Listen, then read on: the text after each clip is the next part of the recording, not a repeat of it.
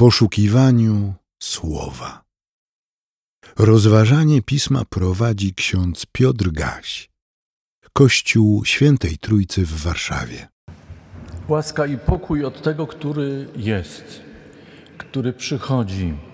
Niech będą z Wami wszystkimi teraz i zawsze. Amen. W pierwszym liście do Koryntian, w drugim rozdziale od pierwszego wersetu czytamy – Także ja, bracia, gdy przyszedłem do Was, przyszedłem głosić Wam tajemnicę Boga, nie za pomocą górnolotnych słów lub mądrości. Postanowiłem bowiem, będąc wśród Was, nie znać niczego innego jak tylko Jezusa Chrystusa i to ukrzyżowanego. I stanąłem przed Wami w słabości i w bojaźni, i z wielkim drżeniem. A moje słowo i moje głoszenie nie opierały się na przekonujących słowach mądrości, ale na ukazywaniu ducha i mocy, aby wasza wiara nie opierała się na mądrości ludzkiej, lecz na mocy Boga.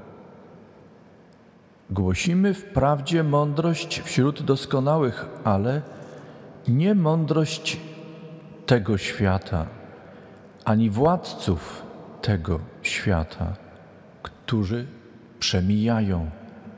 Przeciwnie, głosimy mądrość Boga, pełną tajemnicy i zakrytą, którą Bóg przeznaczył przed wiekami dla naszej chwały której nie poznał żaden z władców tego świata. Gdyby ją bowiem poznali, nie ukrzyżowaliby Pana chwały.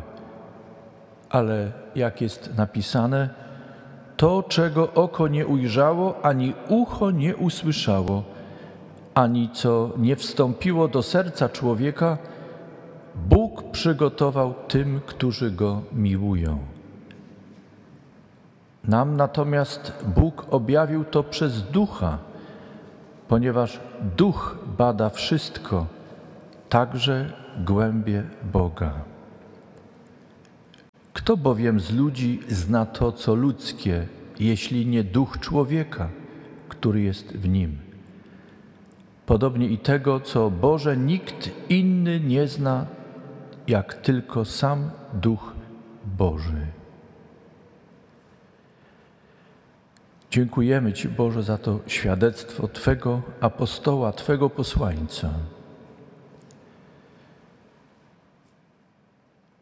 Pomóż nam odnaleźć to, co ważne dla każdej i każdego z nas. Mamy za sobą różne drogi, swoją własną historię, którą Ty znasz.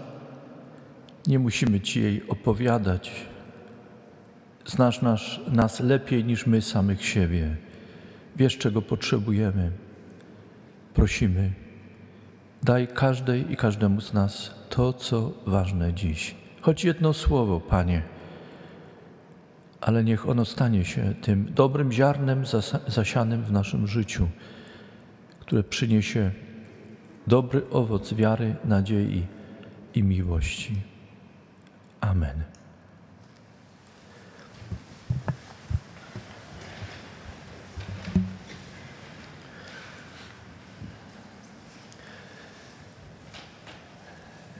Przypuszczam, że czytania dzisiejszej niedzieli nie są nam obce.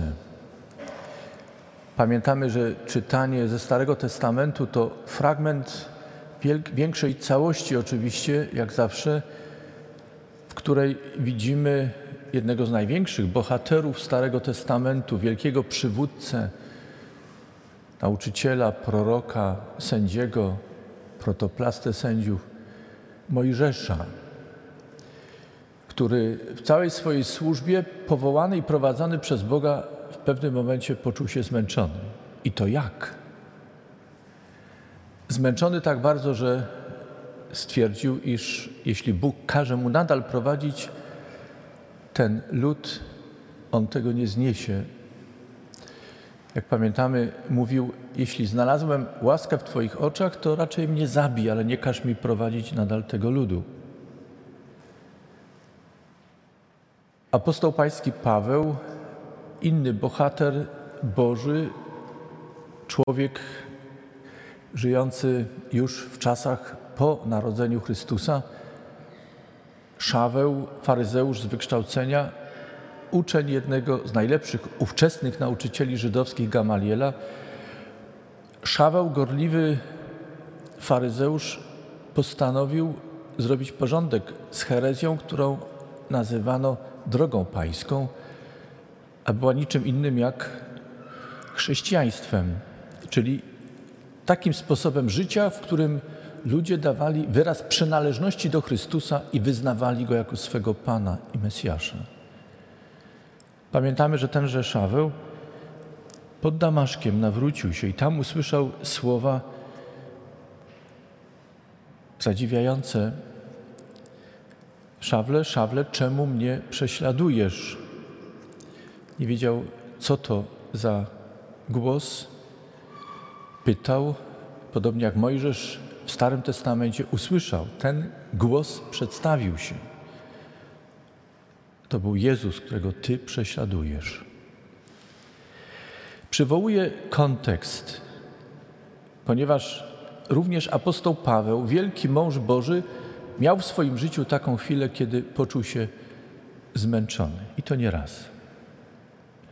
I wydaje nam się, że y, apostoł pański Paweł zawsze był tym chrześcijaninem, który i apostołem, który kroczył z podniesioną piersią, podniesioną głową, zawsze pełen zapału, zawsze mocny i bardzo no, wpływający na swoich słuchaczy. I wyda- mogłoby się wydawać, że dla niego chrześcijaństwo zawsze było wyłącznie radością i pokojem. Tymczasem, jeśli dobrze wczytamy się w dzieje apostolskie, jeśli dobrze wczytamy się w listy Pawła, te skierowane do zborów czy do osób, do których pisał, przekonamy się, że było bardzo różnie. Że, bo jasne, nie bójcie się. Nie chcę powiedzieć, że ja przy okazji urodzin chcę Wam powiedzieć, że jestem bardzo zmęczony prowadzeniem parafii. I że chcę dzisiaj powiedzieć też przed Panem Bogiem, jeśli Panie Boże mnie, mnie miłujesz, to raczej mnie zabij, niż y, każ mi prowadzić dalej tę parafię. Broń Boże. Jest, jest mi z Wami dobrze. Mówię to uczciwie. Choć jak wiecie, nie jest łatwo czasem. Ale nie tylko mnie, także Wam, Radzie Parafialnej. Chcę jednak zwrócić uwagę na coś innego. Zarówno Mojżesz, jak i Paweł mieli poczucie ogromnej odpowiedzialności, którą wzięli na siebie, mówiąc Bogu tak, kiedy ich powołał. I kiedy apostoł Paweł Pański mówi dzisiaj, to znaczy napisał wtedy, ale my przywołujemy te słowa dzisiaj, że stawał przed zborem w Koryncie.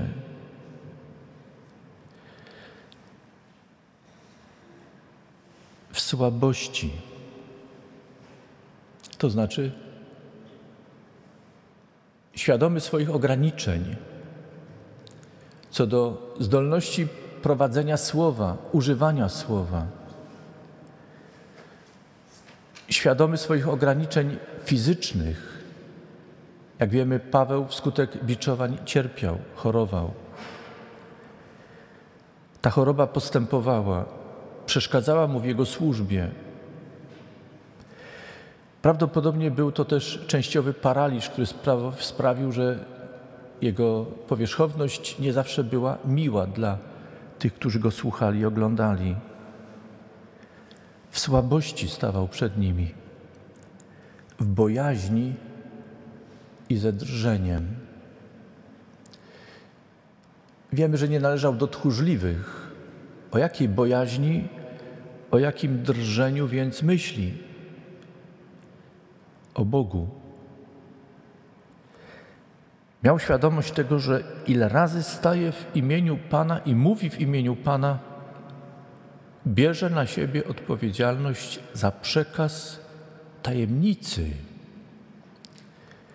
która jest Bożym Słowem, Bożą tajemnicą, którą ma dzielić i pokazać tym, do których mówi. A ponieważ jest to tajemnica, która jest dana przez Boga, Pana Wszechświata, ale dotyczy spraw jeszcze zakrytych, bo dotyczy działania Boga po drugiej stronie i tego Boga przychodzącego do naszego świata, by odsłonić nam to, co jest później, przed nami. I przez to życie poprowadzić nas do osiągnięcia, do doświadczenia tej tajemnicy, to wszystko, jak się zdaje, jak o tym Paweł wprost mówi, przerastało go. Jako faryzeusz był przygotowany do szukania zgrabnych zwrotów retorycznych i używania różnych cytatów i tekstów jego nauczycieli i nauczycieli jego nauczycieli, by podbudować swoją myśl i stać się przekonującym dla słuchaczy, by podnieść swój przekaz na poziom wyżyn intelektualnych i duchowych. Paweł umiał to robić. Nie zasłania słowami o słabości, o bojaźni, o drżeniu, braków w wykształceniu czy deficytów intelektualnych. Broń Boże. Paweł uświadamia zborowi w Koryncie, że on, stając przed nim, chce być aż i tylko ustami tego, którego nie widzą, ale który działa, który jest, który odsłania swoje tajemnice i najpełniej uczynił to przez swego Syna, Pana Jezusa Chrystusa. Tego, którego on, Szaweł, prześladował. Tego, który stanął na drodze Szawła i sprawił, że się przebudził. Pamiętamy, że Roman Brandstetter, nawiązując do nawrócenia apostoła Pawła, przypominał, że Szaweł pod Damaszkiem spadł z konia, żeby powstać. Upadł, żeby powstać. Mam wrażenie, że to, co chce powiedzieć apostoł pański Paweł, nawiązuje do tej pięknej myśli Romana Bransztetera. Siostry i bracia, każda i każdy z nas, chcąc być naśladowcą Chrystusa, dzieckiem Bożym, musi ze swojego piedestału spaść, upaść. I to bolesne. Ale to nie jest chwila upokarzania człowieka. Upokarzania człowieka przez Boga.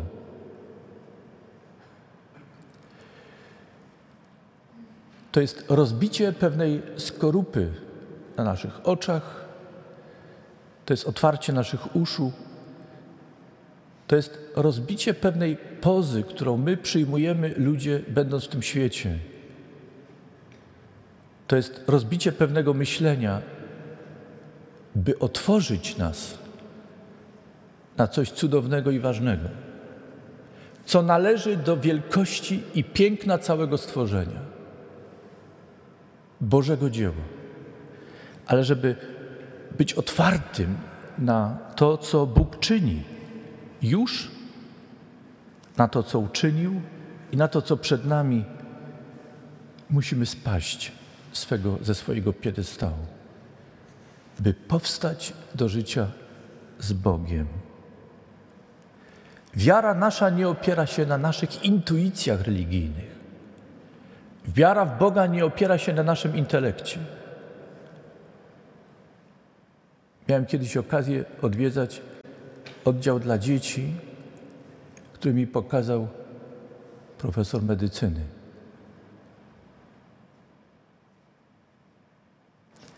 To były dzieci z różnymi niesprawnościami. Gdyby Bóg opierał nasze zbawienie, nasze przeżycie, naszą wiarę na naszym poznawaniu, na naszej sile, na naszej sprawności, te dzieci byłyby wyłączone, pozbawione możliwości zbawienia.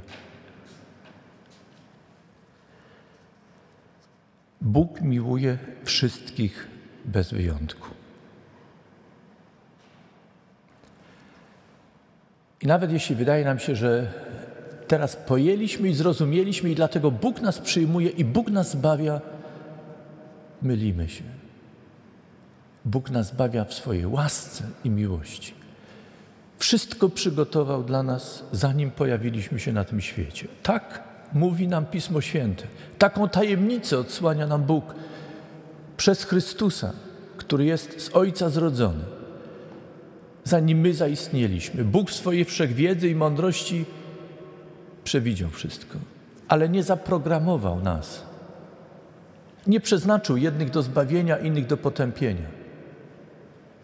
Bóg w swojej wszechwiedzy i mądrości uczynił coś, czego nie pojmujemy, ale co zawsze powinniśmy przyjąć w wierze, że On, który miłuje, uczynił wszystko, żeby każda i każdy z nas mógł być zbawiony. Każda i każdy z nas mógł być uczestnikiem tajemnicy, którą Bóg w Chrystusie odsłonił światu jako Zbawicielu. Kończę słowami Chrystusa z Golgoty. Prosząc, byście się nie zatrzymywali w swoim myśleniu na Bożym Narodzeniu. Róbmy postępy w naszej wierze. Róbmy postępy w naszym poznawaniu tajemnicy Bożej odsłoniętej w Chrystusie. Święta Bożego Narodzenia, święto Epifanii, ten okres jest piękny, ale przejdźmy dalej. To był początek drogi Chrystusa, co jest kulminacją, co jest tym najważniejszym, największym momentem, dla którego Chrystus przyszedł. To jest Golgota, zmartwychwstanie i w niebo wstąpienie. Paweł więc, pisząc do zboru w Koryncie, znając wszystkie trudne strony życia zboru w Koryncie, o czym możemy przeczytać w swojej lekturze, to zadanie domowe. Przeczytajmy list do Koryntian.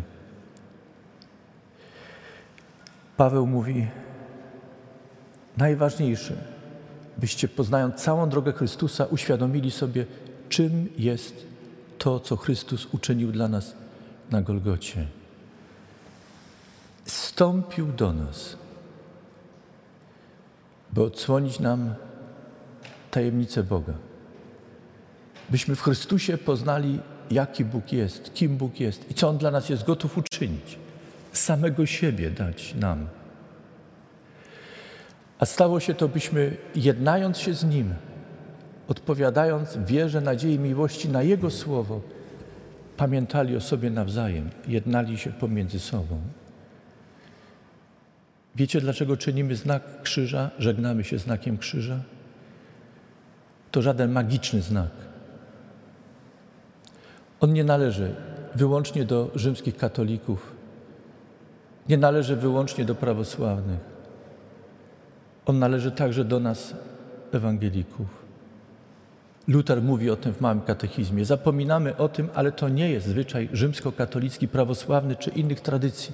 Żegnanie się znakiem krzyża to jest także nasza ewangelicka tradycja.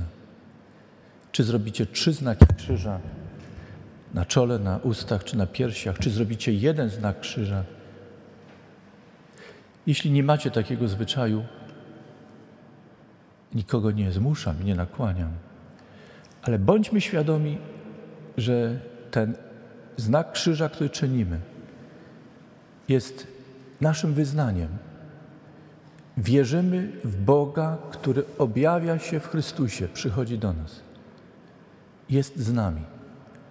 Prowadzi nas na wyżyny niebiańskie do zbawienia.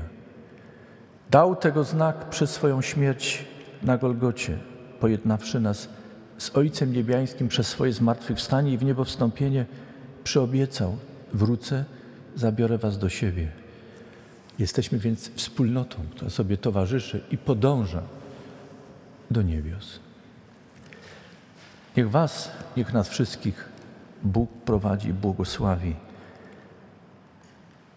Nie słabość, nie kruchość życia jest czymś najtrudniejszym.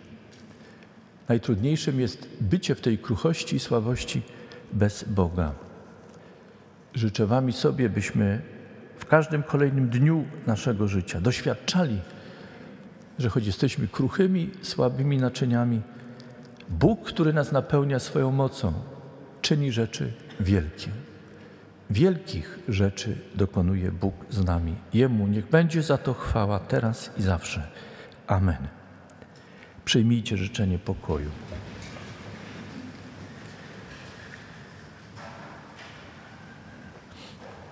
A pokój Boży, który przewyższa wszelkie zrozumienie, niechaj strzeże serc i myśli waszych w Chrystusie Jezusie Panu i Zbawicielu naszym. Amen. Więcej materiałów na www.trójcawaw.pl